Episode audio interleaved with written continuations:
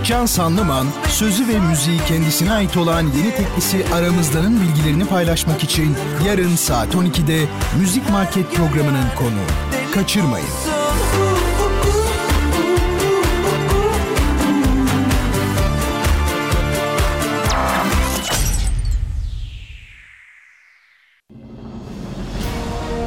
Gazi Mustafa Kemal Atatürk ve silah arkadaşlarını kanlarıyla bu toprakları vatan yapan aziz şehitlerimizi rahmet, minnet ve şükranla anıyoruz. 30 Ağustos Zafer Bayramımız kutlu olsun. Radyo Gerçek.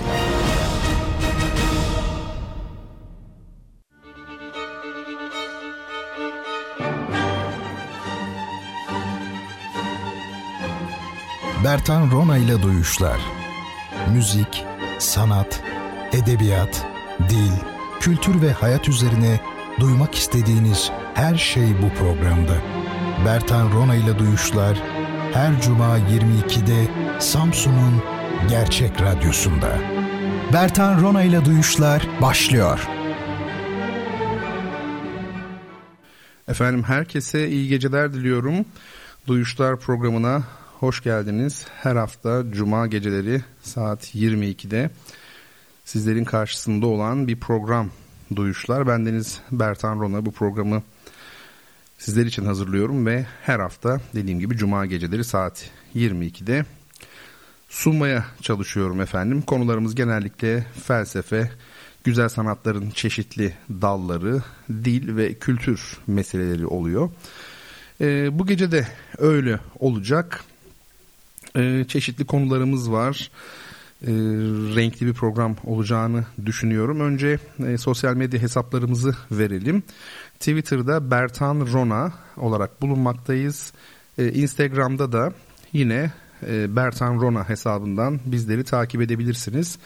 E, Twitter ve Instagram'da e, beni takip etmenizi tavsiye ederim. Çünkü e, bu program içerisinde belli bir takım görseller üzerine konuşuyoruz. E, o bakımdan Instagram önemli. Çeşitli kitap hediyelerimiz oluyor. E, bu kitap hediyelerini e, alabilmeniz için benim sizlere soracağım soruyu ilk yanıtlayan kişi olmak için e, Twitter'dan mention yazıyorsunuz bana doğrudan. Bu bakımdan da e, Twitter önemli. E, zaman zaman e, kitap hediyeli sorularımızın cevapları e, elektronik posta olarak geliyor ya da Instagram'dan geliyor. Soruların cevabı bir kere daha söylemiş olayım. Twitter'da e, Bertan Rona e, hesabına doğrudan mention yazarak e, verilmekte. Soruyu doğru bilen ilk kişi olduğunuzda size kitabınızı gönderiyoruz efendim. Şimdi bir de tabi duyuşlar şeklinde bir elektronik posta adresimiz var. Buradan da bize ulaşmanız mümkün. Her konuda yazabilirsiniz. E, öncelikle 30 Ağustos Zafer Bayramı'nı kutlamak istiyorum bu gece başlarken. 26 Ağustos 30 Ağustos 1922 tarihleri arasında 5 gün kadar süren ve Dumlupınar'da bildiğim kadarıyla sona eren büyük taarruz bu topraklardaki anti-emperyalist savaşın başarıyla sonuçlandığını göstermesi bakımından son derece önemli bence. Bizim Kurtuluş Savaşımız dünyadaki ilk anti-emperyalist savaştır. Bunu çoğu kişi bilmez ama böyle. Şöyle ilk anti-emperyalist savaş zaten emperyalizm bildiğiniz üzere Birinci Dünya Savaşı ile birlikte ortaya çıkan bir olgu. Lenin'in 1915'te yazdığı Emperyalizm kitabı da buna işaret ediyor. O da çünkü 1915 yılında çıkmış. Birinci Dünya Savaşı 1918'de bitti. Kurtuluş Savaşı'nın ise 1919'da başladığını düşünecek olursak bu saptamanın neye dayandığını kolaylıkla anlayabiliriz. Anti-emperyalist mücadele tabii övünülecek bir mücadele. Çünkü vatanınızı savunuyorsunuz. Ee, dünyanın neresinde olursa olsun bu böyledir. Her zaman haklı olan taraf işgale uğrayan taraf olmuştur. E, o nedenle 30 Ağustos Zafer Bayramı'nı ben tekrar e, kutluyorum. E, savaş meydanında kazananlar tabi ekonomik yolla geri verilmezlerse e, bunun gibi mücadeleler daha da anlamlı mücadeleler olacaklardır. Bunu da belirterek programımıza başlayalım.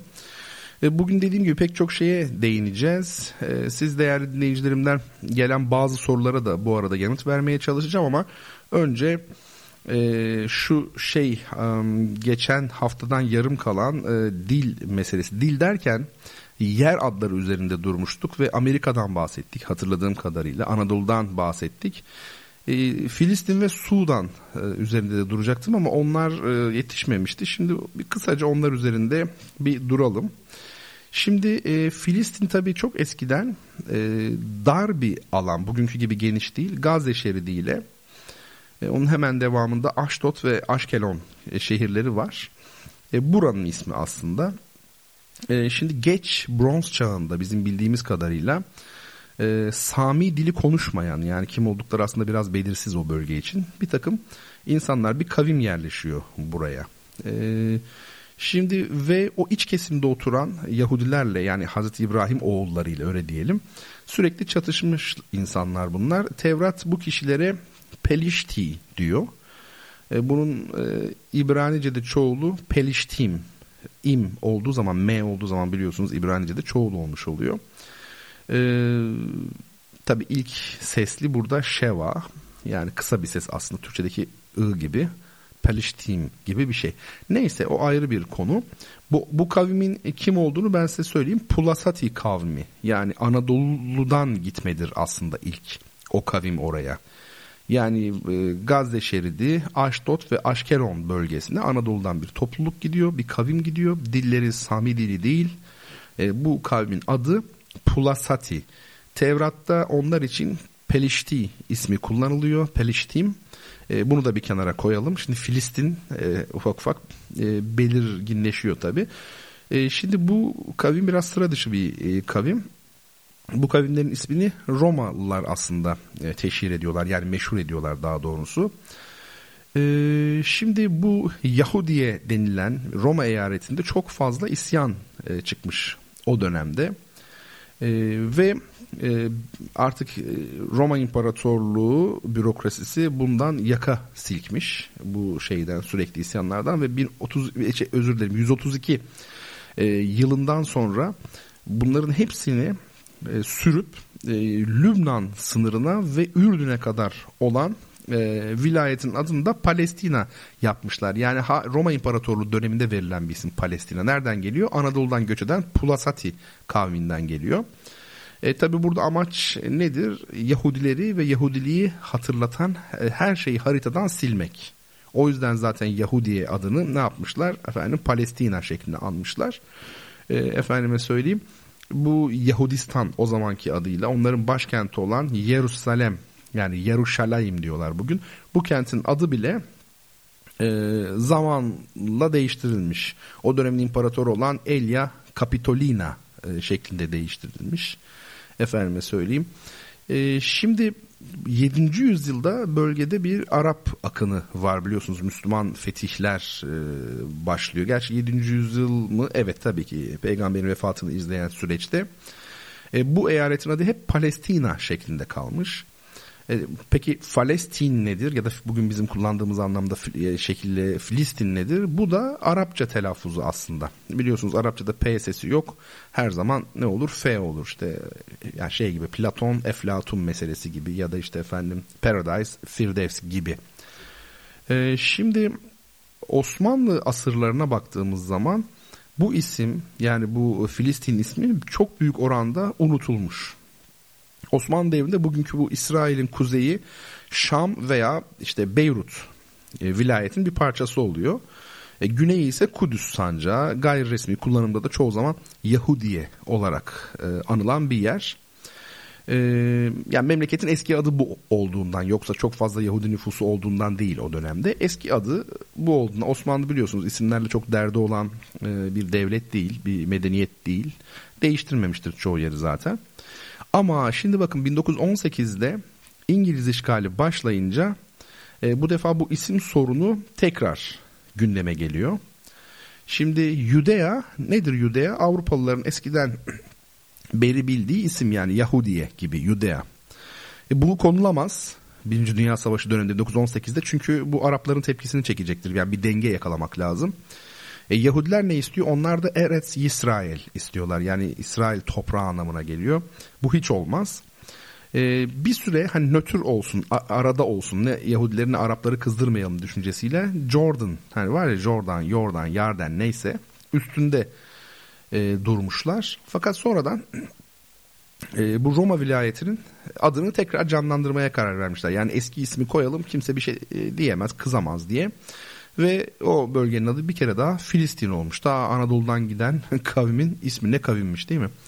Efendime söyleyeyim e, bu bölgedeki Araplara da Filistin Arapları deniyor zamanla. Yani Filistin adının e, macerası e, biraz bu şekilde. Çok kısa şeyle de ilgili konuşalım. Sudan'la da ilgili e, konuşalım. Sudan'ın e, lideri biliyorsunuz General Beşir El Beşir miydi? O artık devrik lider. O şimdi onu kafeste yargılıyorlar. Böyledir bu işler.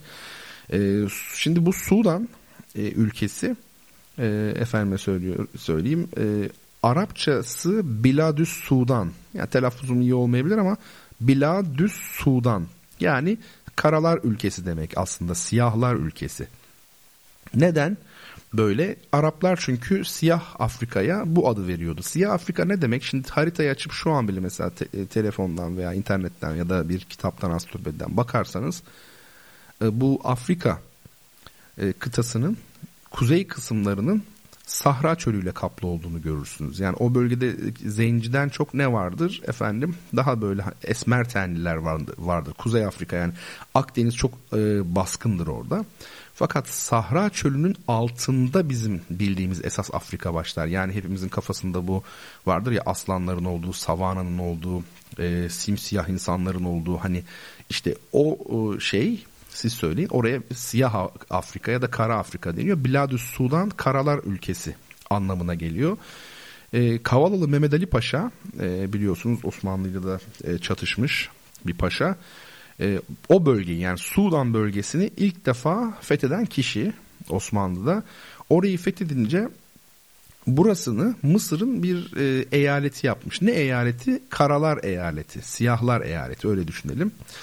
E, daha sonra tabi bu bölge Mısır'dan idari olarak ayrıldığında da aynı isim kalmış artık. Nedir o isim? Sudan. Şimdi Arapça biliyorsunuz bu S transliterasyonda W ile yazılıyor. S, V, D, W, D kökünden bir esved yani ne bu? Kara demek. Esvet yani biz öyle diyoruz tabii daha ince söylüyoruz ama o E gibi değil aslında. E ile A arası bir ses. Bu kara demek. Hani Hacerül Esvet ne demek? İşte siyah taş, kara taş. Ee, aslında el hacerül esvet olması lazım galiba. Yani eğer başa artikel koymayacaksak bildiğim kadarıyla haceri esvet olması lazım. Yani bazen esmaül hüsna deniyor. Benim bildiğim el esmaül hüsna ya da esma-i hüsna. E, onun dışındaki kullanımlar yanlış oluyor tabii. Neyse e, haceri esvet diyelim. Şimdi bunun dişil hali e, sevda dediğimiz şey. O da bakın yine aynı kökten geliyor. Tabi bunu sevmekle, sevgiyle bir ilgisi yok. Daha çok melankoli dediğimiz ruh halinin Arapçası biliyorsunuz yani bu bir çeşit depresyon. Yani günümüzde kadın hastalığı olarak depresyon hep e, bu modernist tıbbın ortaya koyduğu bir şey. İşte 1800'lerde melankoli, orta çağlara doğru gittiğiniz zaman da ne var? E, histeri. Öyle ilginç bir şey ki histeri rahim demek aslında düşünebiliyor musunuz? Yani histeri hastalığı nasıl kadına tahsis edilmiş bir hastalık çok ilginç. Rahim demek. E, müsvedde işte bak yine SWD dedik ya transterasyona W yazılıyor. O da efendim karalama demek müsvedde. Sair vesaire yani böyle gider bu mesele. Geçen haftadan hani kalmıştı Filistin adı ve şey ismi ne onun adı ee, Sudan ismi ona bir bakalım dedim. Şimdi bir fotoğraf e, yükledim ben e, Instagram'a program başlamadan önce. Bu fotoğraf üzerine çok kısa e, bir konuşmak isterim. Umarım siz de Instagram'dan görüyorsunuzdur. Paylaştım çünkü oradan. Bu fotoğraf ya da ben de bir bakayım şu an. Ee, hani paylaşmadan Heh, tamam paylaşmışım. Paylaşmadan anlatmanın da bir manası yok. Evet. Sevgili Betül de beğenmiş. Demek ki o da beni dinliyor. Betül'ün e, fotoğrafları için ayrı bir program yapacağım. İki haftadır düşünüyorum bunu. Çünkü bende fotoğrafları var. Sağ olsun bana bir de fotoğrafını hediye etti ama e, geçen de odamı topluyorum. Aldığım bugüne kadar hayatımda en orijinal, en güzel hediyeyi de Meryem Betül'den almıştım. Sağ olsun, var olsun. Kendi gibi böyle çok zarif gerçekten. Onu böyle en müstesna yerde saklıyorum. E, o, o fotoğrafları var. Meryem Betül'ün kendi çektiği fotoğraflardan bahsediyorum tabii. Onlar üzerine bir bölüm yapmak lazım. Ben programı evden yapıyorum. Yani son bir yıldır aşağı yukarı e, stüdyodan yapmıyorum. Öyle olunca tabii röportaj imkanı pek olmuyor. Ama belki yazılı olarak yapabiliriz. Yani ben mesela soru gönderirim. E, o e, şey mülakati verecek olan kişi onları cevaplar. Ben onun adına belki programda okurum. Böyle bir şey söz konusu olabilir. Bunlar geldi. Bugün geldi aklıma bunlar. Efendim şimdi bu fotoğraf e, Macar kadın fotoğrafçı, fotoğraf sanatçısı Flora Borsi'nin çalışması. Flora Borsi. Adını bulamadım. Belki de adı yok.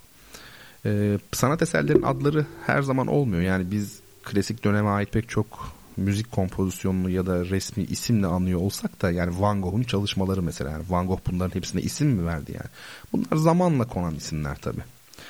Ee, belki de bunun da adı yoktur ama Flora Borsi'nin bir çalışması olduğunu söyleyeyim. Ee, Borsi kendi ifadesiyle kimlik, ilişkiler ve rüyalar üzerine sürreal çalışmalar yapan bir fotoğraf sanatçısı.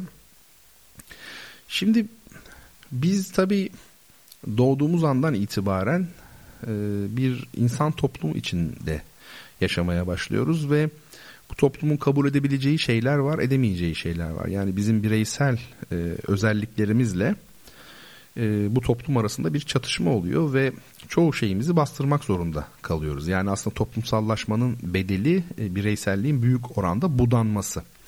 Ya da şöyle düşünelim, bir toplum içerisinde yaşıyoruz, pek çok şeyi görüyoruz, pek çok sıkıntıyı görüyoruz. Ancak e, korkuyla belki pozisyonumuzu kaybetme korkusu olabilir, çoluk çocuk korkusu olabilir, hayatta kalma kaygısı olabilir. E, bütün bunlarla bu gördüklerimizi dile getiremiyoruz. Yani her halükarda öyle ya da böyle insanın içinde birden fazla kişi olduğu bir gerçektir. Zaten olgunlaşma süreci de belki bunların birleşmesi yani insanın tek kişi olmasıdır. Öyle bir söz var galiba Schopenhauer'ın mı? Bir insan pek çok kişi olarak doğar ama tek kişi olarak ölür diye. Tabi hangi bağlamda söyledi bunu e, düşünür. Schopenhauer'sa eğer e, konuşmak lazım, bakmak lazım. Şimdi bizim içimizde dediğim gibi böyle biri var. Gören ama e, konuşamayan biri. E, biz nasılız peki?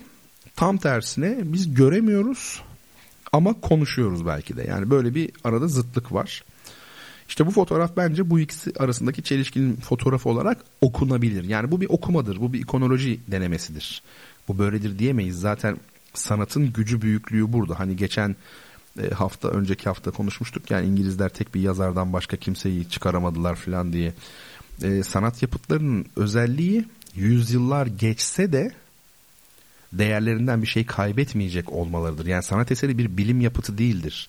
Ee, okunur yani bir mesela şöyle düşünelim bir aksiyon filmi düşünün. Kötü yani sanatsal değeri olmayan Terminator mesela var ya öyle bir film. Şimdi siz onu izledikten sonra ikinci bir defa izlemek zevk vermez çünkü sonunu biliyorsunuz.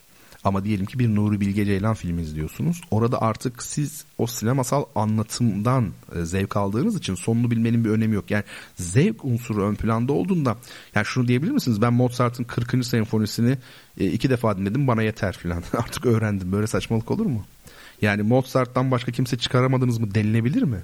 Denilemez. İşte buradaki hata sanat yapıtının ne tür bir e, obje olduğu, estetik bir objedir. Bir e, bilgi objesidir ama sadece bir bilgi objesi değildir. Aynı zamanda bir güzellik objesi olmuş olur. Sevgili dinleyicilerim zannediyorum e, seste bir kopukluk oldu. O tabi Türkiye'deki internet altyapısı ile ilgili yağmur yağdığı zaman e, sıkıntı olabiliyor. Tabi bu kopukluk insanı biraz e, koparıyor konsantrasyonda ama e, şöyle söyleyelim bu fotoğraf üzerine konuşuyorduk. Biz Macar kadın fotoğraf sanatçısı Flora Borsi'nin çalışması üzerine konuşuyorduk ve dedik ki insanın içinde toplumun bastırdığı bir ben var başka bir ben ya da toplumda olup bitenleri gören ama e, buna bir şey söyleyemeyen bir ben var. E, her halükarda e, gerçeği gören bir ben bu ve bu fotoğrafta bize doğru bakan, bize daha yakın e, duran o gözler var ya, o baş var ya işte o bakış saklanamayan gerçeğin bakışı olmuş oluyor aslında. Ee, dediğim gibi e, o şey çok harika bir an. Komik bir şey vardır. Kendimizi sıkarız gülmemek için. Ama bir şekilde bunu başaramayız. O gözlerdeki o muzip ifade vardır ya o nefis bir şey. Ben buradayım diyor gerçek çünkü. Peki son bir soru hangisi kazanacak? Acaba hangisi kazanacak? Ee, yani o, orada iki baş var. Biri bize bakıyor, birini de profilden görüyoruz. Ee, ha, e, o e, başlardan hangisi aşağıdaki bedene ait? Şöyle bir dikkatli bakarsanız önce profildeki başa bakın. O mu o bedene ait? Yoksa bize doğru bakan mı o bedene ait? İşte mesele bence burada. Ve bu fotoğrafın en ince ayrıntısı da bence burada. Öyle düşünüyorum. Ee, öyle zannediyorum.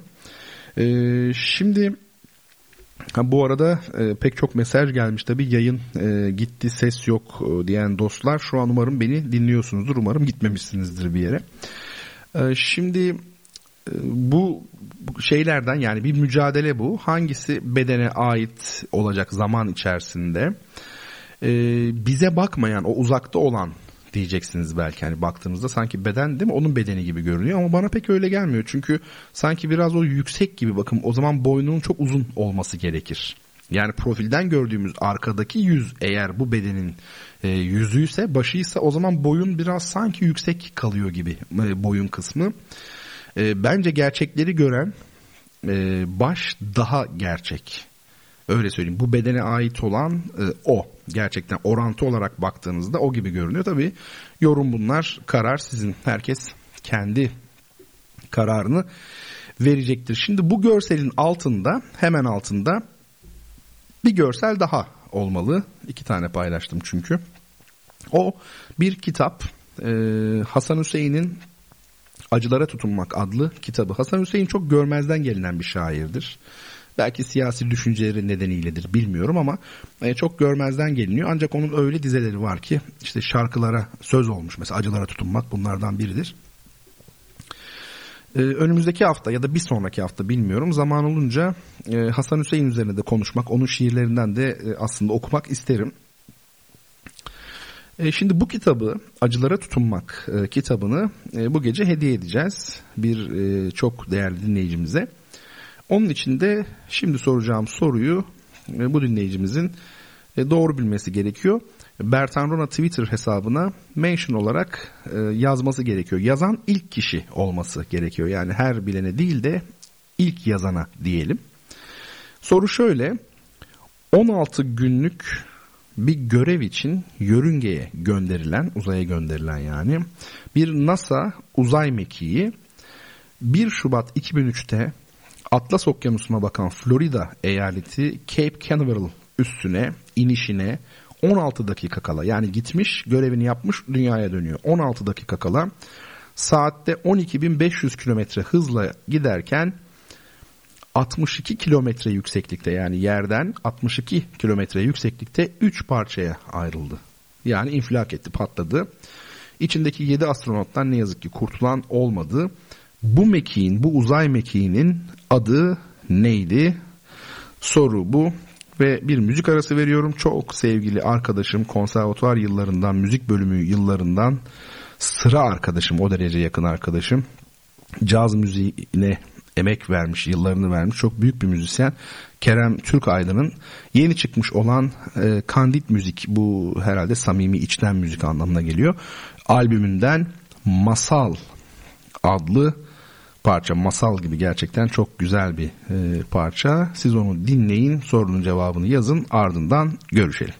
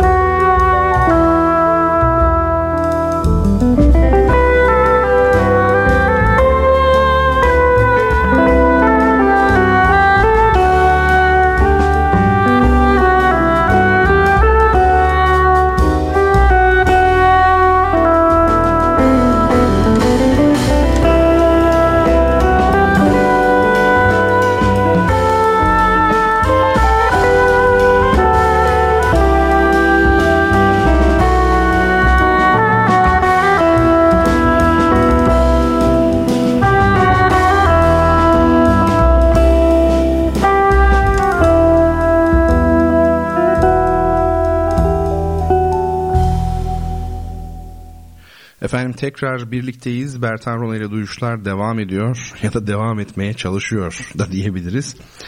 Ee, yağmur dolayısıyla bazen dediğim gibi bu internet bağlantısında sıkıntı olabiliyor. Şimdi ee, sevgili Meryem Betül oturduğunuz yerden Bertan hocanın sohbetine ulaşmak çok güzel siz de istifade edin demiş. Ben çok şey öğrendim demiş. Çok çok teşekkür ederim ee, sevgili Betül'cüm. Dediğim gibi bu fotoğraflarınla ilgili senin bir irtibat halinde olacağız önümüzdeki günlerde inşallah. Öyle görünüyor. O da çok çok mutlu oldum hocam demiş. Fotoğraflarıma değer verdiğiniz için ayrıca teşekkür ederim. Estağfurullah ben ne değer vereceğim? Değerli olana değer verilmez. Bu mesele önemli bir mesele. Konservatuvarda hocamız öğretmişti bize yani değerli bir şeye biz değer veremeyiz. Yani biz onun kıymetini bilebiliriz. O güzel bir şey tabii. Değerini bilmek var ama ekstradan değer verilmez. E, bu mesela sanatçılara ödül verilmesi falan da çok ilginç geliyor bana. Bir de mesela şunu hiç anlamıyorum. Ya kimse yani kimse gönül koymasın bana ne olur ama hayatta en son anlayabileceğim şeylerden biri şiir yarışması başvurusu diyor. Yani siz başvuruyorsunuz şiir yarışması için. Yani neyine başvuruyorsunuz? Yani şiirde yarışma mı olur mesela? Ben bu ödül meselelerine tamamen e, karşıyım. Tabi bunlar belki radikal düşünceler. Yararlı tarafları da vardır. Genç şairleri teşvik etmesi falan gibi ama bana oldum olası garip gelmiştir. E, şimdi sesin kesilmesiyle ilgili bazı uyarılar var. Arkadaşlar hallettik öyle görünüyor.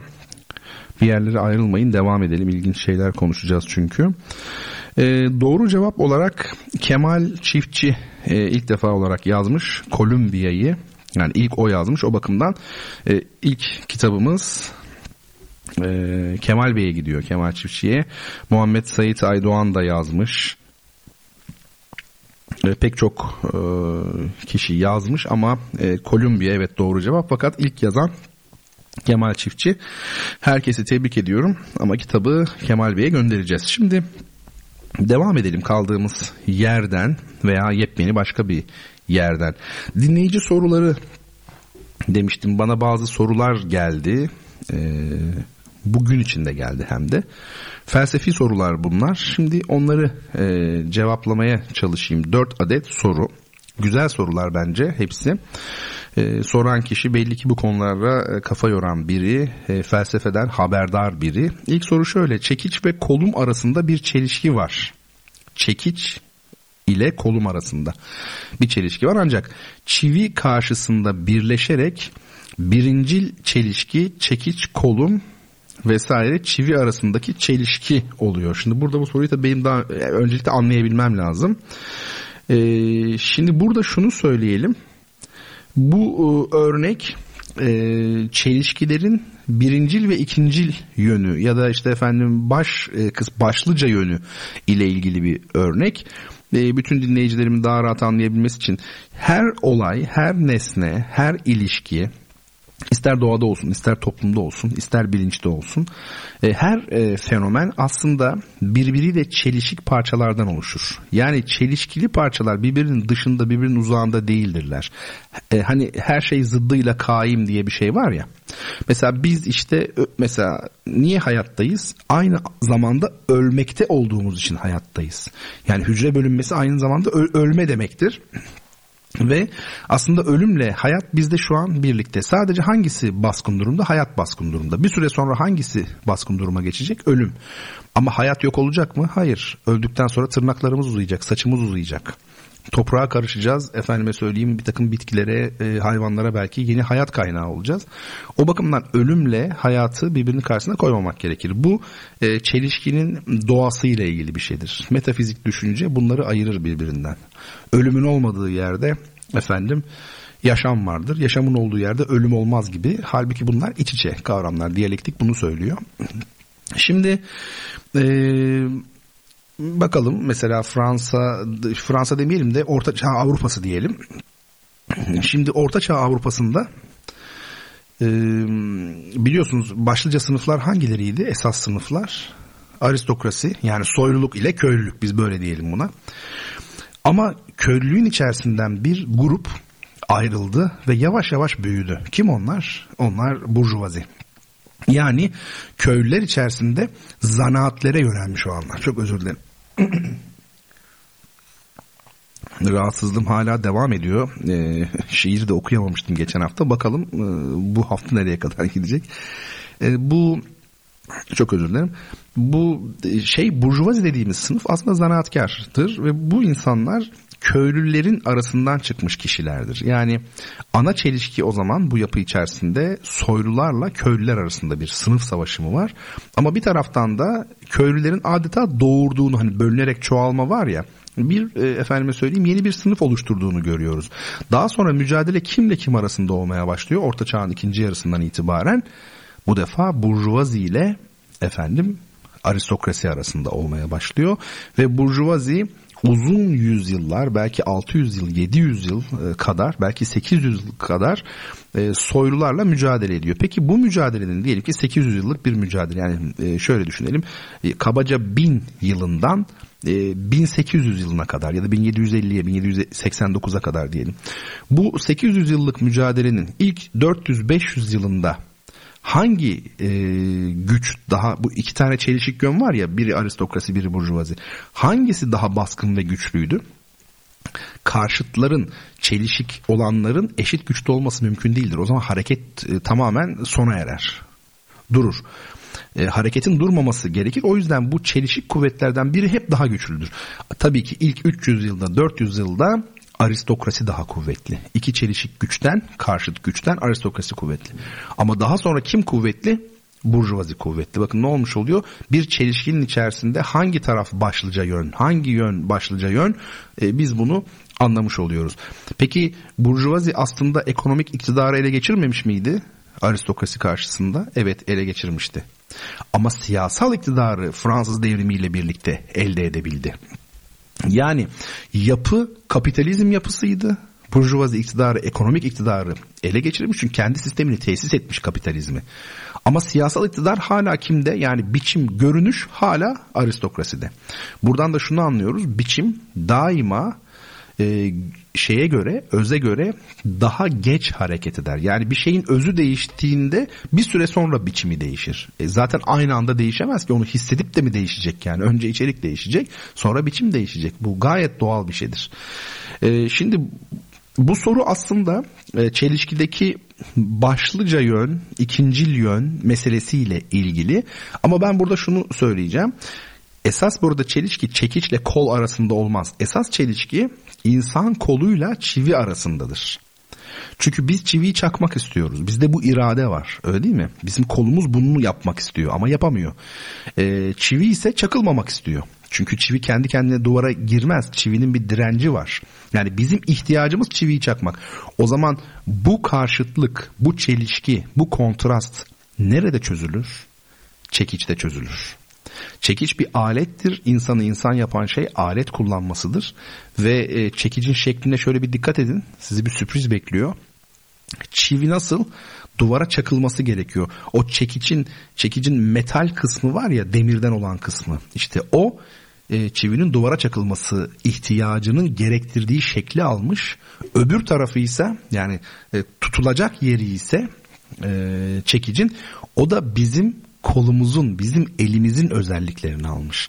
Yani o bakımdan alet dediğimiz şeye baktığımız zaman e, çelişkili güçlerin görüntülerinin daha doğrusu iç özelliklerinin bir e, sentezini bir toplamını görmüş oluyoruz. O yüzden her e, alete, her araca iyi bakın. Bu arada tabii e, alet araç demektir ama bazen gereç diyorlar. Gereç malzeme demek biliyorsunuz yani. Zamanında Türk Dil Kurumu tarafından Türkçeleştirilen kelimeler bunlar. Çok da iyi yapmışlar. Siz bakmayın Türk Dil Kurumu'nu karalamak moda oldu. O kadar önemlidir ki yaptıkları. Yani niye e, araç demeyelim mi? Bakın bugün herkes söylüyor. E, mesela demeç bir demeç verdi. Cumhurbaşkanı bir demeç verdi. Ne var bu cümlede? Gayet güzel değil mi? Demeç. Ama emin olun 1970'lerde, 60'larda belki 50'lerde çok garip gelmişti. Bu yani bu biraz da alışma meselesidir. Gereç ne var bunda? Gereç malzeme demek işte. Yani o yüzden dil konusunda gerçekten e, hassas olmak lazım, duyarlı olmak lazım. Mesela bakın işte hassas dedim arkasından da duyarlı dedim. Niye kimse rahatsız olmadı duyarlıdan? Çünkü yerleşmiş artık. Ee, yeni kelimeler türetildiği zaman yeni sözcükler ilk başta tepki toplar. İnsanoğlu hep alıştığını arar. Ama bunlar e, kimsenin babasının hayrına yaptığı şeyler değil. Sadece bu dil güçlensin diye yapılmış şeyler. Yani bağlamak, bağlam, bağıntı yani mesela bağ kökünden türetilmiş o kadar çok terim var ki. E şimdi bir çocuk bunu okuduğu zaman onun bağlamakla ilişkisini kurup bağ ile ilişkisini kurup e, çok daha rahat anlamaz mı? Şuna da kesinlikle inanmayın. Yani yok efendim neymiş bilimin bilim dili ortak olurmuş. Bilim dili ortak olmaz. Öyle şey olur mu ya? Yani bir koskoca İslam medeniyeti Arapça kullandı. Büyük işte İngiltere, işte efendim Amerika medeniyeti İngilizce kullandı. Bilim yapılıyor demek ki farklı dillerde. Öyle şey olmaz. Biz zaten bu düşünceyle Türkçe bilim dili ve felsefe dili olarak hiç gelişmedi. Ee, bilimin uluslararası olan yönü yöntemleridir. Bilimsel yöntemler evrensel geçerliliğe sahiptir. Yoksa dil e, değil bunları söyleyelim. Şimdi bir başka soru çok e, sevgili dostun sorusu. Dünya maddi yapıdadır önermesini dünya madde ve maddelerin birbirleriyle ilişkisi göz önüne alınmadan anlaşılamaz e, olarak mı düşünmeliyiz? Elbette dünya maddi yapıdadır biliyorsunuz. Materyalizmin, felsefi materyalizmin üç önermesinden biridir. Bir tanesi dünya maddi yapıdadır. İkincisi e, dünya neden öncedir? Özür dilerim madde düşünceden öncedir, ruhtan öncedir. Bu ikinci önerme. Üçüncüsü de dünya bilinebilir. Bu e, felsefi materyalizm ile idealizm arasındaki e, tarihsel kan davasının üç ana konu başlığıdır bu. Yani bir taraf diyor ki madde öncedir, öbürü diyor ki hayır düşünce öncedir. Bir taraf diyor ki dünya maddi yapıdadır, öbürü diyor ki hayır maddi yapıda değildir. Bir de diyor ki dünya bilinebilir, öbür grupta diyor ki hayır dünya bilinemez. Mesele bu. Ee, çok değerli dinleyicim demiş ki cevaplar nereden e, yazılıyor e, demiş. Aslında doğru yerden e, yazmışsınız. Cevabı Bertan Rona Twitter hesabından yazabilirsiniz. Siz üçüne birden yazmışsınız ama sadece Bertan Rona'ya yazmanız yeterli. Zaman kaybetmemiş olursunuz. Şimdi dünya maddi yapıdadır ne demek? E, madde ve maddenin birbiriyle ilişkisi göz önüne alınmadan elbette ki anlaşılamaz. Maddi olaylar e, ortaya konmadan nasıl anlayacaksınız? Siz dünyayı nasıl anlayacaksınız? Mesela şöyle diyeyim adam diyor ki işte eğitim çok şey diyor yani eğitim şart diyor. Eğitim olmazsa diyor mesela işte yani hırsızlığın mesela yaygınlığını neye bağlıyor? Eğitime bağlıyor. Bu tamamen yanlış. Neden? Çünkü hırsızlık diye bir olgu var. Bu olgunun nedenini yani onun alt tarafına maddi olan bir şeyi koymuyor. Bakın her şeyin maddi bir sebebi vardır. Hırsızlığın sebebi yoksulluktur.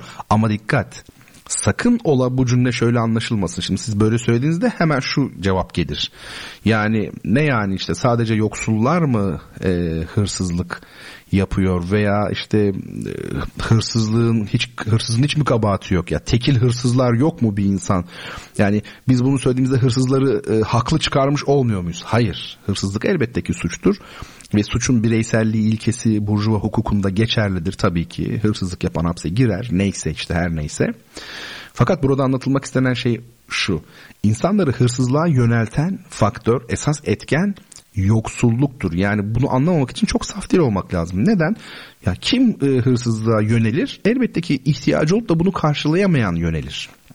Ancak ihtiyacı olup da hırsızlığa yönelmeyen, sonuna kadar direnen insanlar yok mudur? Elbette vardır.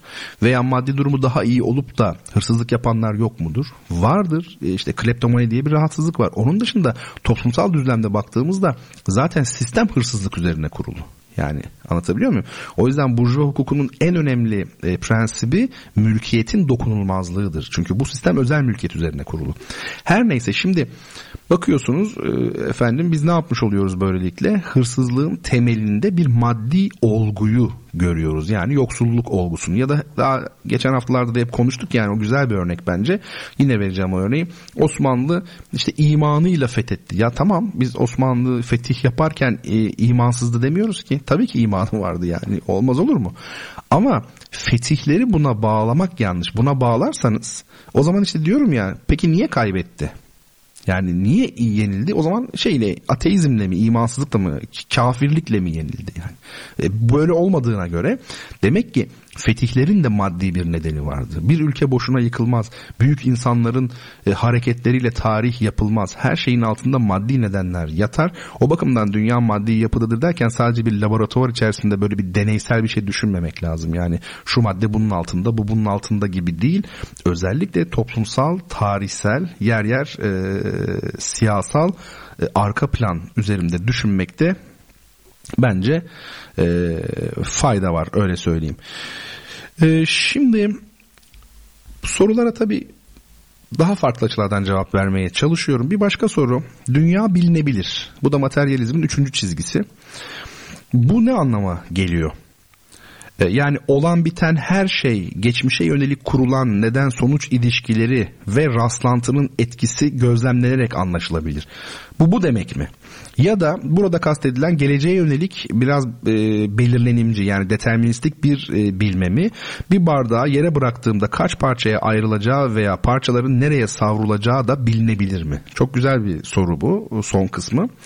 Şimdi bir kere şunu söyleyelim. Dünya bilinebilir derken e, materyalist düşünce dünyanın bilinebilir olduğunu öne sürerken temelde geçmişi ya da geleceği değil içinde bulunulan zaman dilimini o anı kastetmektedir. Ancak içinde bulunan zaman diliminin bilinebilir olduğu kabul edilecek olursa işte o vakit sizin geçmişi ve geleceği de e, anlama yani geçmişe yönelik anlamlandırma geleceğe yönelik de tabii tahminde bulunma e, gücünüz artmış olur. Onu söyleyelim. E, şimdi dünya bilinebilir. Mesela Kant diyordu ki biz bazı şeyleri bir noktaya kadar biliriz. Ondan sonrasını bilemeyiz. Buna ne diyordu? Eşyanın kendisi diyordu. Yani dinganzih. Osmanlı felsefecileri bizatihi şey olarak çevirmişler. Yani öyle değil mi? Şimdi bir şey var. Bir, bir, bir eşyada, bir nesnede belli bir nokta var ki ondan ötesini biz aslında bilemeyiz. Bir yere kadar bilebiliriz. Bu efendime söyleyeyim Kant'ın düşüncesi. Ee, peki şimdi bu tabi Yasin suresinin Yasin suresinin son ayeti Orada biliyorsunuz değil mi? Her şeyin melekutu elinde olan ne yücedir diyor. Bu melekut kavramı da e, yani hep söylüyorum yani ben İslam e, Müslüman ülkelerde yani İslam felsefecileri ne, ne iş yapıyorlar ben merak ediyorum. Ya onlar gerçekten yani çok, yanlış yapıyorlar. Şöyle yanlış yapıyorlar. Çok verili büyük bir e, alan var, bir din var, bu dinin e, kitabı var bir müktesebat var, hadis külliyatı falan var ve hiç mi okumuyorsunuz, hiç mi değerlendiremiyorsunuz? Mesela bakın ben hiç bu iki alan üzerinde çok çalışmadığım halde e, din ganzi kavramıyla mesela melekut çünkü melekut bir şeyin özü. Hani e, Allah'ın bana eşyanın hakikatini göster, olduğu gibi göster. İşte hakikati ne? Kant neyi kastediyordu? Bunlar üzerine düşünmek lazım ama böyle artık şey değil böyle yapış yapış bir e, popülizm akıyor. Ben gerçekten artık çok rahatsız oluyorum yani. E, iki kelimeden bir tanesi oryantalizm, iki kelimeden biri modernizm. Şu ya geçin artık bunları yani. Yok doğuymuş, batıymış bunları boş verin. Doğu batı diye yok efendim Müslüman ülkeler, Hristiyan ülkeler filan tarzı yapılan ayrımlar inanın insanın gerçeği görmesini engelliyor. Amerika'nın istediği bu işte zaten. Amerika ne istiyor Orta Doğu'da? Yahudi Arap çatışması olsun istiyor. O şekilde görünsün istiyor. Yani görünmesini istediği şey o ama asıl mesele o değil. Neyse bunlar konuşulabilir tabi. Şimdi şunu söyleyelim mesela bir e, bardak yere bıraktığında kaç parçaya ayrılacağı ve parçaların nereye savrulacağı bilinebilir mi? Sert soru değil mi? Aslında teorik olarak bilinebilir. Daha doğrusu hesaplanabilir. Neden? Şüphesiz o bardak yere düştüğü zaman o e, parçaların etrafa savrulması yani kaç parçaya ayrıldı? Nerelere kadar uzandı? Bunlar tesadüfi olarak olmuyor. Bunlar o camın yani bardağın ağırlığına, o camın yapısına, hangi açıyla düştüğüne, hangi yükseklikten, hangi hızla e, zemine değdiğine, zemin yapısına, zeminin yapısına, işte efendim esen belki havanın milimetrik etkisine, bütün bunlara dayalı. Yani ne kadar ölçülemez görülse de aslında Değil mi? Yani nedensellik ilişkisi var. Şimdi burada şunu anlamak lazım.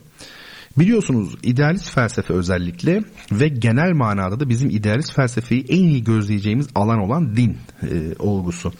E, hakikate bir son çizer. Çizmek zorundadır. Çünkü o bakış açısı onu gerektirir. Yani aslına bakarsanız cennet nedir? Bakın yine bir e, İslam felsefesi yani meselesine geldik. Cennette biz e, şeyi görecek miyiz? Allah hani e, görecek miyiz? E, biliyorsunuz bu önemli bir konu olarak tartışılmıştır. Yani itikadi mezheplere baktığınızda e, ehli sünnet olarak evet buna evet biz Allah'ı göreceğiz. Nasıl göreceğiz ya Resulallah? İşte hani çünkü e, çok kalabalığız ya efendime söyleyeyim işte geceleyin gökyüzünde ayı nasıl görüyorsanız öyle göreceksiniz. Burada güzel bir tabii şey var benzetme yapılmış. Şimdi bu mesele aslında e, sadece hani dinin içinden dış bir an için dışarı çıktığımızı düşünelim. Mesele burada Allah'ın yüzünü görme olayı değildir. Veçini. Mesele burada e, hakikatin sonal yani son bilgisine ulaşılması meselesidir. Hakikati çünkü çerçevelediniz ve artık onu da gördükten sonra tamam son son nokta o son çizgi olmuş oluyor.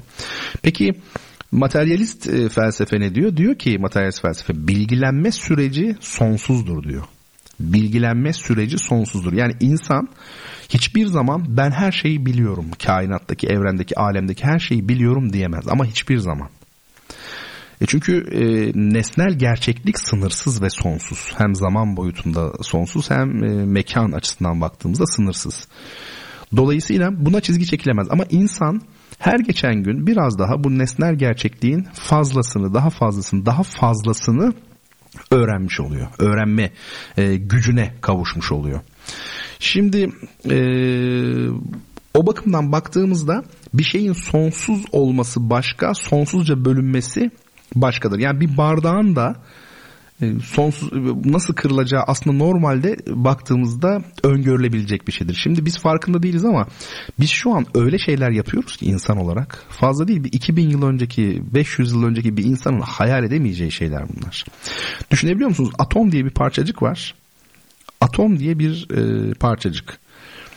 Bu ya bir görüntüsü yok çekilmiş bir fotoğrafı yok. O kadar küçük ki herhangi bir şekilde görüntü elde etmek imkansız. Hiç görmediğimiz bir şey.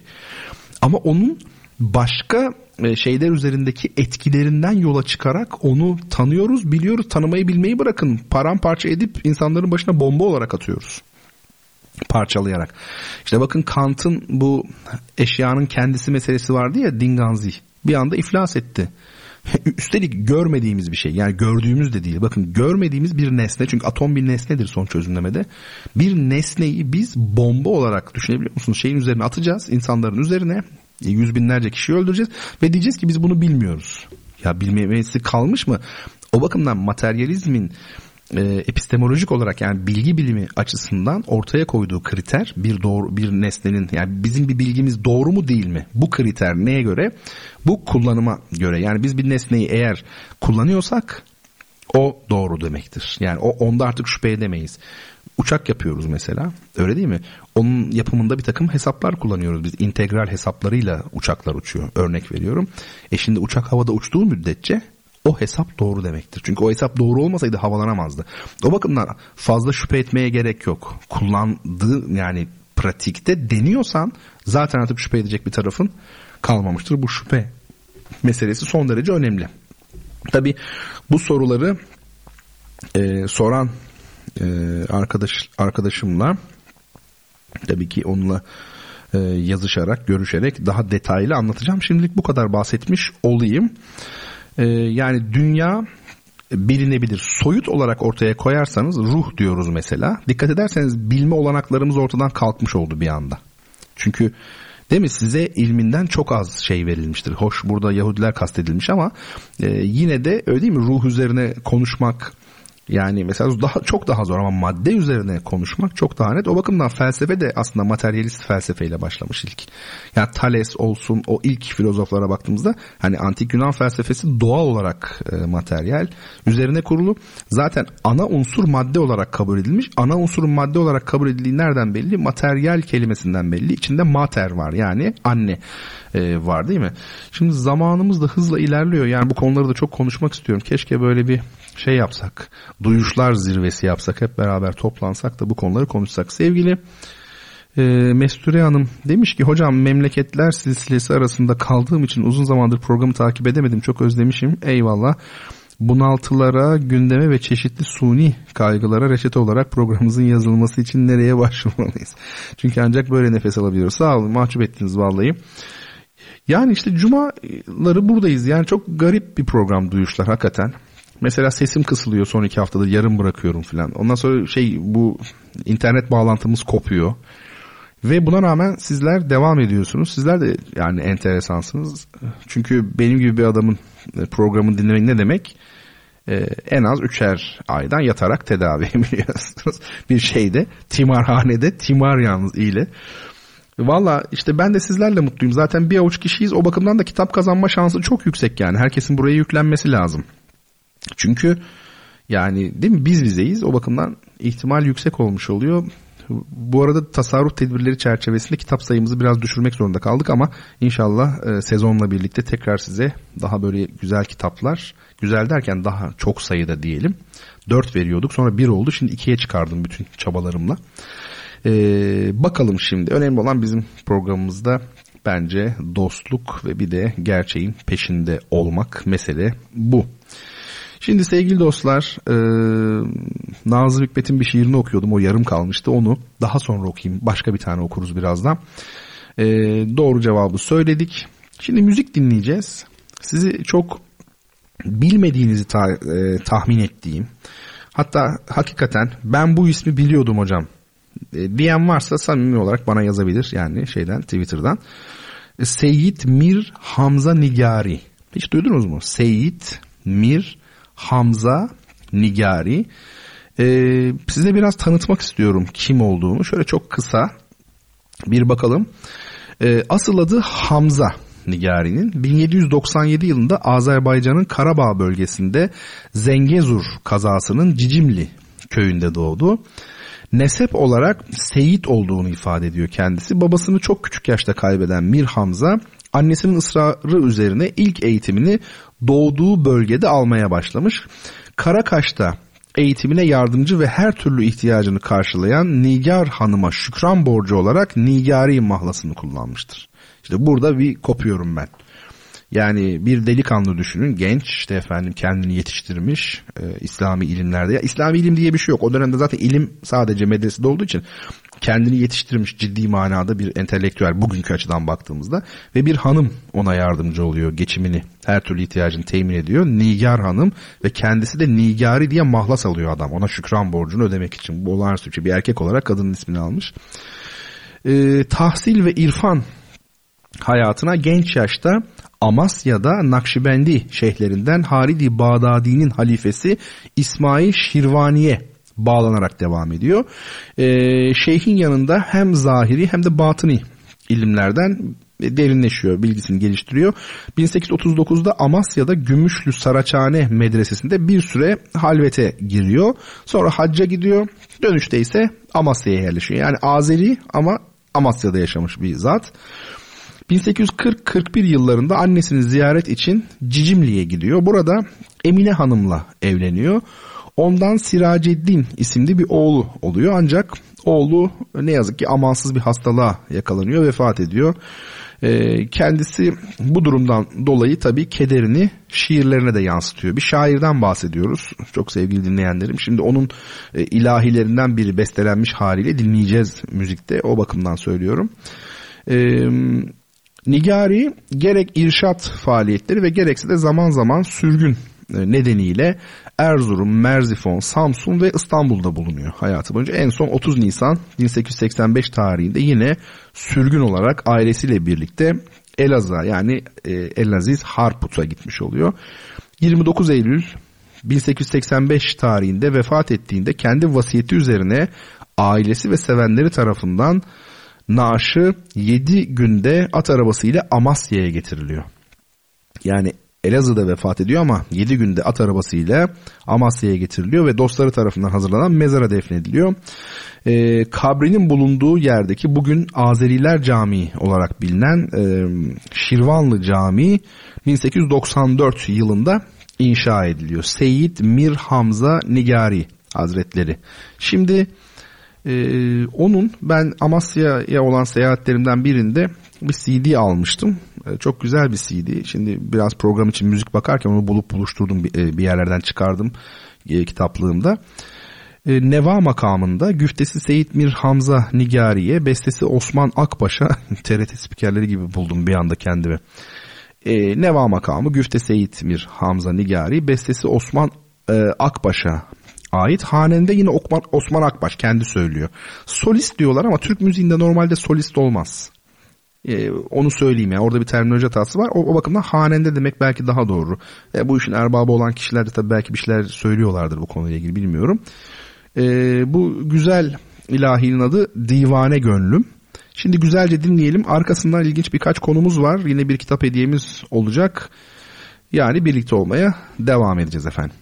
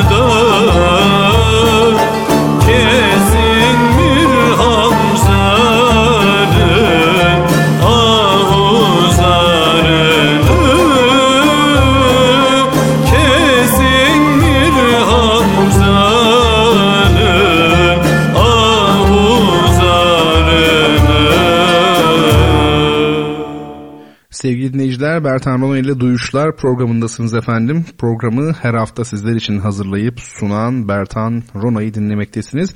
Bu programda müzik, güzel sanatların türlü şubeleri, dil, edebiyat ve kültür üzerinde duruyoruz. Nasıl yani bu güzel sanatların çeşitli şubeleri yani biraz böyle arada bir eski dil kullanacaksınız. Siz o zaman çok entelektüel zannederler.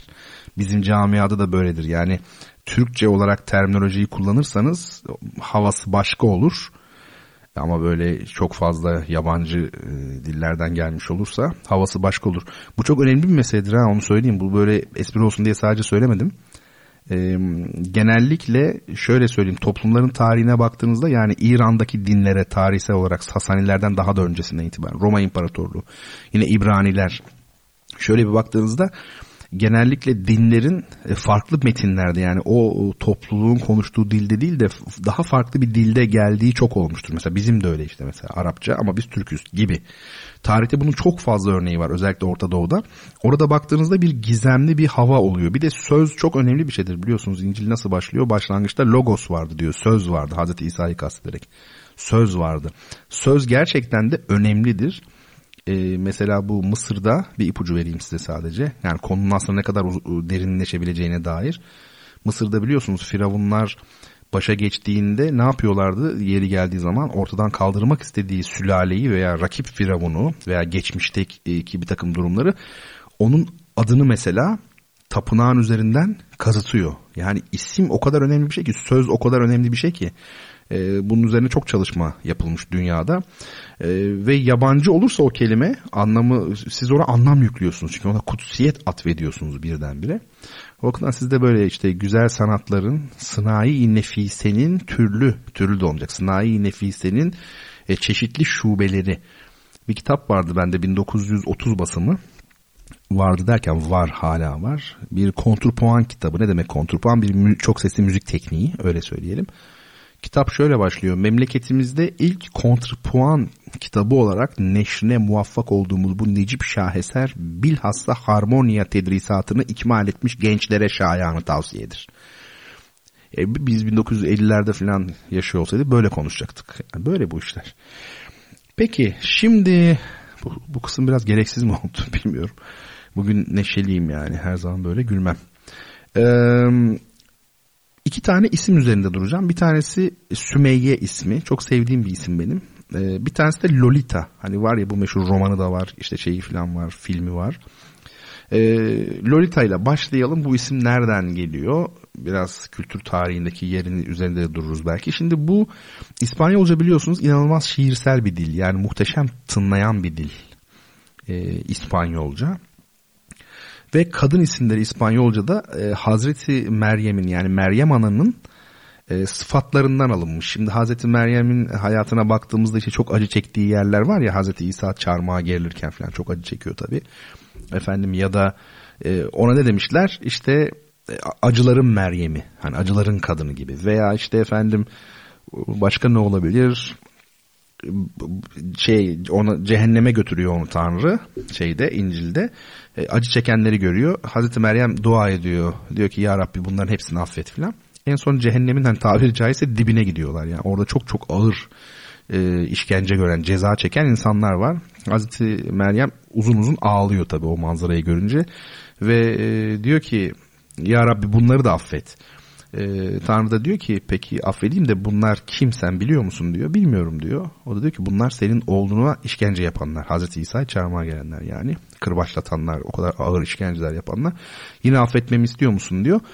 Yine de affet ya Rabbi diyor. Şimdi mesela bu tür öyküler olduğu için anlatının içinde Hristiyan ilahiyatında zamanla e, efendim işte acı, acıların Meryem'i, işte efendim merhametin Meryem'i, merhametli Meryem falan gibi şeyler olmuş e, sıfatlar türemiş. Bu sıfatların İspanyolca karşılığı da efendim mesela Dolores var ya kadın ismi İspanyolca. Ne demek bu? Acılar demek. Ya da efendim Soledad, yalnız Meryem. Soledad. Sole, solo demek. Solo yalnız demek ya zaten solo, solo solis. Soledad, yalnızlık.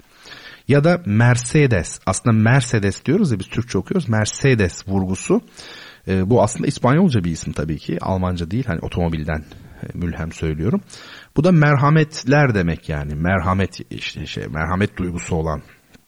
Efendime söyleyeyim. Şimdi dolayısıyla bu Dolores, Soledad, Mercedes bunlar İspanyolca'da Hazreti Meryem Ana'dan yola çıkılarak e, konulmuş e, kız isimleri, kadın isimleri. E, şimdi e, şöyle söyleyelim bu Dolores'in e, bizde mesela Fatma Fatoş var ya veya Ruslarda ne vardır mesela e, Dimitriye Mitya derler. Alexandra Sasha derler mesela. Böyle kısaltmalar var ya sevimleştiriyor yani Fatma Fatoş gibi. En güzeli o galiba bizde en güzel örnek yani Fatma Fatoş. Ee, Mehmet Memiş mesela olabilir. Burada e, bu Dolores'i İspanyollar e, Lola yapıyorlar. Lola, Ola diyorlar ya başına L koyun bildiğimiz Lola şeklinde oluyor. E, onun da küçüğü var. Yani sevimleştirilmiş hali Lola daha da küçüğü Lolita. Lolita, Dolores, küçük Doloresçik gibi bir şey herhalde. Artık Türkçe'ye çevrilemez tabii o kadar. E, efendime söyleyeyim. Bu da ne oluyor işte e, Lolita olmuş oluyor. Nabokov'un muhteşem değil mi bir romanı aslında bu. E, tabii film de bu 1997 yapımıydı galiba. O filmde de e, bayağı bir tabii film de çok sükse yaptı. Dünyada şey yapıldı. E, ses getirdi. Türkçe'ye baktığımızda bir kaynaktan okuyorum bunu şimdi. 1998 ortalarından itibaren bakın bu tam böyle bir dil bilimsel bir sözlükçülük açısından önemli. Türkçe'de 98 ortalarından itibaren 1998 ortalarından itibaren küçük harfle e, cins isim olarak örnekleri var. var. Yani şey değil e, özel isim olan başı büyük L ile yazılan Lolita değil de hani normal kelime olarak yazılan özel isim olmayan Lolita. Yani bu kız çok Lolita hani mesela. Bu tip örnekleri 1998'den e, itibaren var. İşte ne demek bu? E, cinsel cazibesi olan ama yaşı küçük olan kız anlamında e, kullanılıyor. Tabi mesela şu an Türkçe sözlüklerde var mı bilmiyorum. Ona bakmak lazım. Şimdi dil o kadar enteresandır ki mesela AVM AVM'yi biz büyük AVM olarak yazıyoruz. Ama aslında bu bir kısaltma tamam alışveriş merkezinin kısaltması. Ama biz bunu bir kelime olarak kullanıyoruz değil mi gündelik hayatta? AVM, AVM, AVM.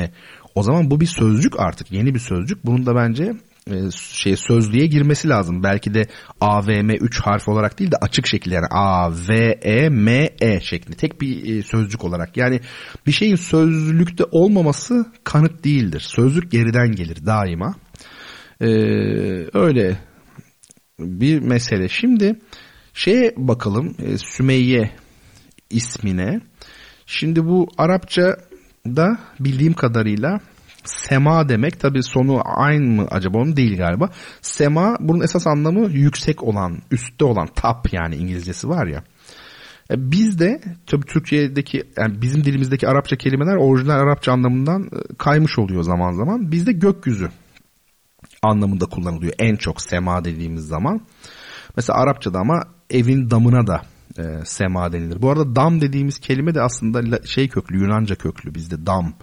Değil mi? Adam yani Adem o topraktan yapılıyor ya oradan geldiği söylenir. İlginçtir ayakkabının üst kısmı yani taban dışındaki ayakkabının her tarafı da semadır. Öyle söyleyelim. Ee, tabii bir başka anlamı da nedir? Semanın e, gökten yağan rahmet ve berekettir. Yağmura rahmet demişlerdir çünkü yağmurun başkaca bir sebebi yoktur. Yani sebepler zincirini böyle çözmeye başladığınızda en son Allah var orada. Yani doğrudan rahmet olmuş oluyor. Öyle o yüzden o ad verilmiş. Ma üs sema zemzem suyuna verilen bir at ta İslam öncesi devirden beri. O devirler çok ilgimi çekiyor benim. Bir İslam öncesi bu cahiliye devri çok ilgimi çekiyor yani. O, oku keşke o, genç olsam yani ok, okusaydım o dönemi şiirini filan. Ya o dönemin şiirini filan incelemeden bence İslamiyet'i de anlamak çok mümkün değil. Çünkü mesela bir şey bir ayet diyelim ya da bir hadis bir şeyi yasaklamış ama o yasakladığı şeyin ne olduğunu bilmiyoruz ki tam olarak. O bakımdan onları da iyi araştırmak lazım. Neyse efendim şimdi biliyorsunuz e, Sümeyye de işte tıpkı bu şey gibi Lolita meselesi gibi semanın küçüğü olmuş oluyor. Yani semacık demek aslında. Ee, insan ismi olarak kullanıldığında da e, yine yağmur göndermesi var aslında temelli. Yani gö- gökten gelen rahmet gibi bir e, anlamı var. Gökten gelen rahmetçik olmuş oluyor tabi. Semanın küçültülmüş oluyor Sümeyye. Bu arada yanlış söylüyorsam Ara- Arabiye çok hakim olanlar beni düzeltsin. Yani düzeltilmeye bayılıyorum yani. insanların egosu çok yüksek. Kimse ya Türkiye'de öyle bir şey ki yani o kadar korkuyor ki insanlar yanlış bir şey söylemekten. Birisi bir yanlış bir şey söylese herkes onu böyle bir bozuyor Twitter'da falan. Hani şeyde sosyal medyada ne oluyorsak. Yani biz her şeyi doğru yapıyor olsaydık kendi atalarımızdan bir adım ileriye gidemezdik yani. Öyle değil mi? Veya atalarımız her şeyi doğru yapıyor olsaydı biz gidemezdik. Yani insan hata yapacak. Can Yücel'e bir gün dediler en önemli özelliğiniz nedir diye soru sordular. Can Yücel şöyle ya yanılırım dedi. Yanılmak kadar güzel bir şey var mı ya? O bakımdan yani her türlü şey iyi bana yazın lütfen. Bu biliyorsunuz Mevlevi ayinlerinde değil mi? Zikir esasen sema deniyor. Bunun sonunda ayn var bildiğim kadarıyla. Görüyorsunuz döktürüyorum şimdi yani fazla buralarda çok hani ifşa olmamak için söylemiyorum ama e, bu aynı harfiyle yani bitmiş oluyor yani onu daha farklı düşünmek gerekiyor. Şimdi sevgili dinleyenlerim bu e, Mevlevilerin özellikle seması tamam biz ona sema diyoruz ama şimdi hayatta aklınıza gelmez yani tahmin edebileceğini zannetmiyorum. Aslında bu kelime ne demek biliyor musunuz? Resital demek, resital yani konser demek yani nasıl ama konser. Çünkü kök olarak dinlemek e, anlamındaki bir kökten geliyor. Sim, mim, ayn. Bu dinlemek demek aslında bu kök. O bakımdan buradaki sema da resital bir çeşit dinleti demek. Yani orada dans ön planda değil aslında. Oradaki musiki kastediliyor. Ee, mesela şeyde bu siz söyle Alaturka olarak adlandırılan bizim kendi musiki yani Türk usulü müzikteki semai usulü var mesela ona da bakmak lazım. İbraniler de buna bu arada şema diyorlar. Yahudilerin çok önemli bir duası vardır şema duası. Onu okumadan yatmazlar. Bir sabah bir akşam böyle bir şey olması lazım. Mesela İsmail ismi. Ee, şimdi burada e, Hazreti İbrahim ileri tabii çok ileri bir yaş 99 yaşında daha da fazla Allah'ın mucizesiyle çocuk sahibi oluyor şeydeki Tevrat'taki anlatıma göre de böyle. O zaman da Allah işitti. yani Tanrı benim duamı işitti, kabul etti anlamında İşmael diye isim koymuş. İşmael bildiğimiz İşmael e, Kur'an-ı Kerim'de İsmail olarak geçmiş oluyor. İsmail. Buna bakmak lazım. İsmail normalde türetiliyor mu? Yani o kökten İsmail diye türetme olur mu yoksa İbranice olarak mı? Çünkü biliyorsunuz e, Kur'an-ı Kerim'in teknik terimlerinin e, çok fazlası İbranice kökten gelir. Bunda da bir şey yok, sıkıntı yok yani.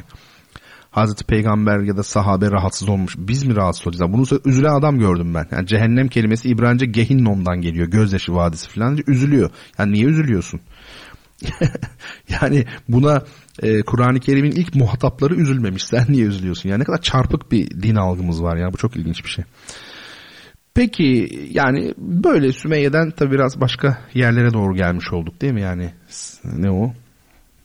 İşte sema falan yani. Sema demek ki o dansın adı değil. Bizde o dans, o dönme, o sema olmuş. anlam kaymasına uğramış. Bir de daha sonra bir şey daha olmuş. Semah sonuna he eklediğimiz zaman da Alevi Bektaşi geleneğindeki o dans var ya o da semah diyoruz. Bakın o da aslında semah. Ama zaman içerisinde onda bir he ile bir anlam ayrımına gidilmiş. Dil yapar kendisi böyle şeyleri. Aynı kelime olsa bile. Şimdi ya size ben çok konuştum farkındayım. Kendimi affettirmek için size çok kısa bir şiir okuyacağım. Kimin olduğunu siz bulun bakalım. Olağanüstü bir şiir. Çok değişik bir havası var. Severim bu şiiri. Silahsız insanlar. Beş kıtanın içinden başladı sefer. Gidildi kuzeye doğru, gidildi. Ormanlar, kayalar, göller, denizler şehrine varıldı, şehir yeşildi. Bu gelenler silahsız adamlardı. Her birisi yüreğini çıkardı. Her yürekte güzel bir şeyler vardı, hayata sevdalar ilan edildi. Geceler beyazdı, gündüzler serin. Sözleri dövdüler dan dan da din din. Örsünde sıcacık yüreklerinin. Ölüm bu sözlerden güçlü değildi.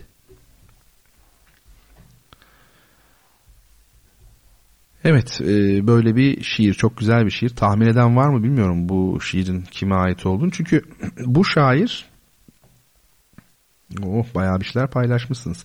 Onlara bakalım. Bu şairin yani 1956 yılında yazılmış bir şiir. Fakat şiiri yazan şairin 1956 yılındaki genel üslubu böyle değil. Biraz e, nostaljik yani işte efendim kafiyeli dörtlükler halinde yazmış. Ama içeriğine baktığınızda o şairin şiir olduğu belli oluyor. O bakımdan tahmin etmek e, gerekir. Şimdi ha nihayet ya biri beni düzeltti ya. Ya arıyorum düzeltin beni kardeşim diyorum. Hocam Sümeyye ismi ayn ile değil güzel he dediğimiz ince he ile bitiyor. İnce e olduğu için açık ece kabul ediyor. Yok yok onda hemfikiriz. Ben sema için dedim onu. Sema ayn ile bitiyor. Sümeyye onun tabii küçültmesi olduğu için o aynla bitmiyor doğru. Ama sizin söylediğiniz de doğru mutabıkız. Peki sevgili Meryem Betül demiş ki yanılma deyince aklıma İsmet Özel'in şiirinin bir kısmı geldi demiş. Okuyalım. Hani en belirgin özelliğinizdedir yanılırım meselesi. Hata yapmak fırsatını Adem'e sen verdin. Bilmedim onun talihinden ne kadar düştü bana. Gençtim ben ve neden hata payı yok diyordum hayatımda. Gergin bedenim toprağa binlerce fışkını saplar idi. Haykırınca çeviklik katardım gökyüzüne. Bir düşü düşlere dalmaksızın kavrayarak, bulutu kapsayarak açmadan buluta içtekini. Tanıdım Ademoğlu kimin nesiymiş. Ter döküp soru sormak nereye sürüklermiş kişiyi. Sonda vurdu değil mi?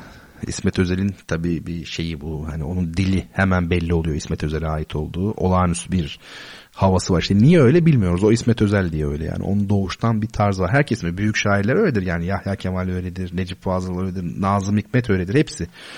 Dolayısıyla burada da hemen en sonda anlamış olduk. Harika.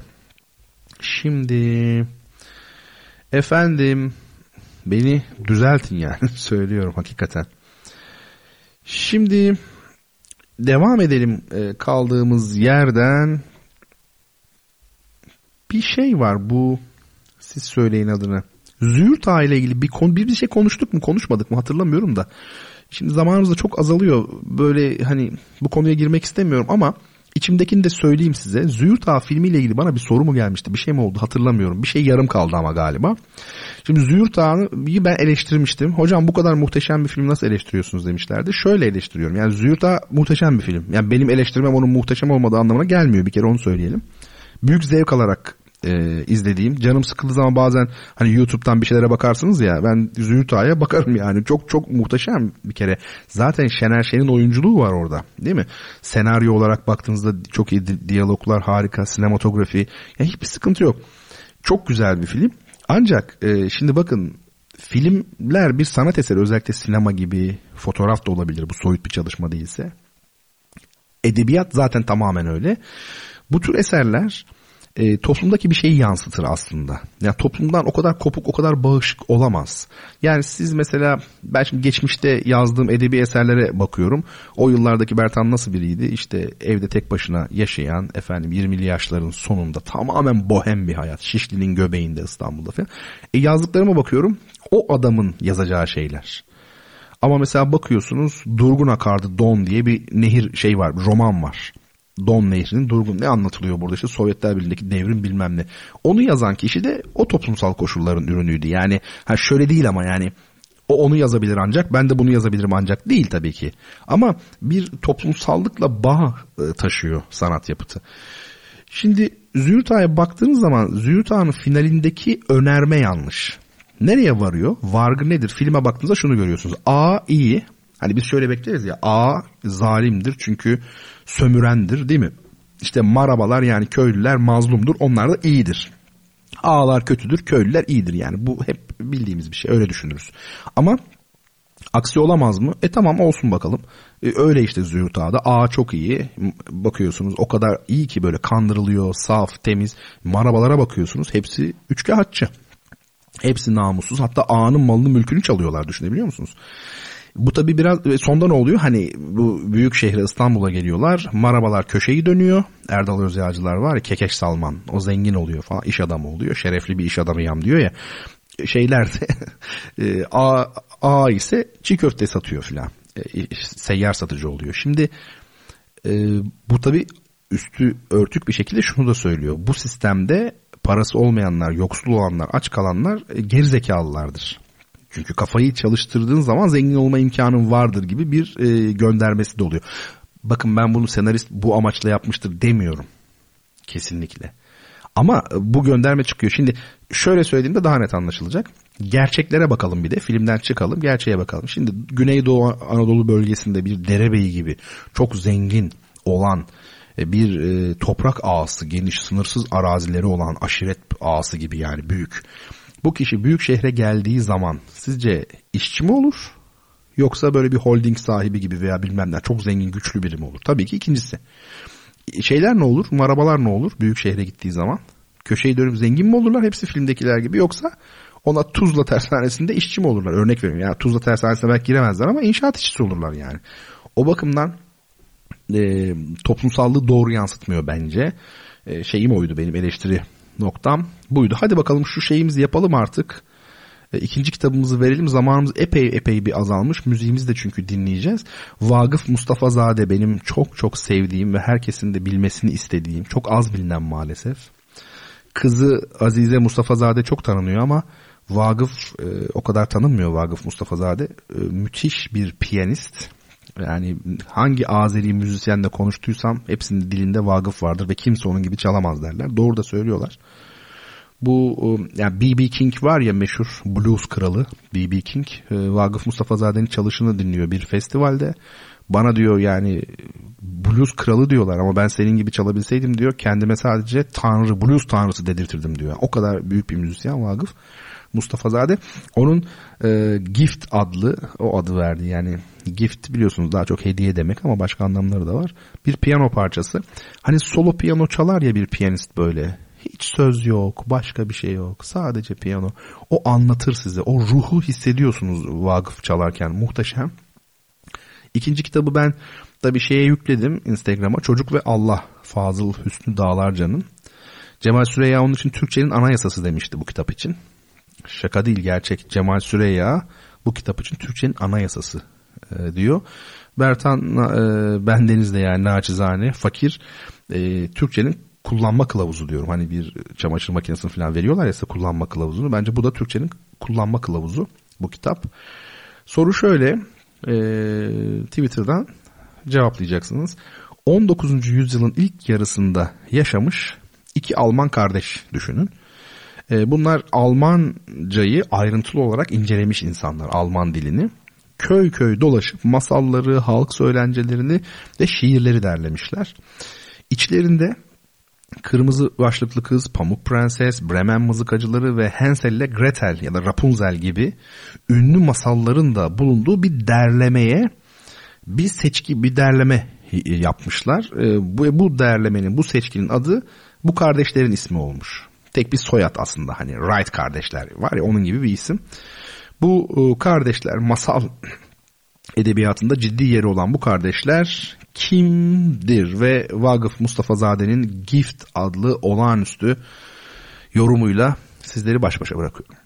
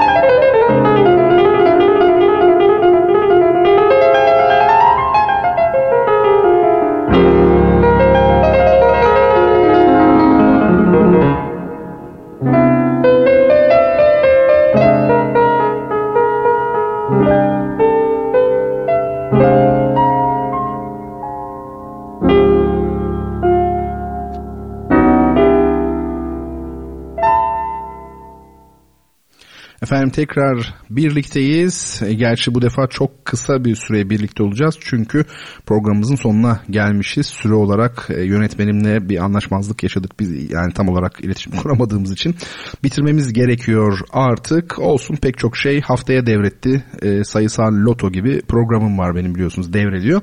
E, bu kitabın e, kazananı sevgili Meryem Betül Koçak oldu.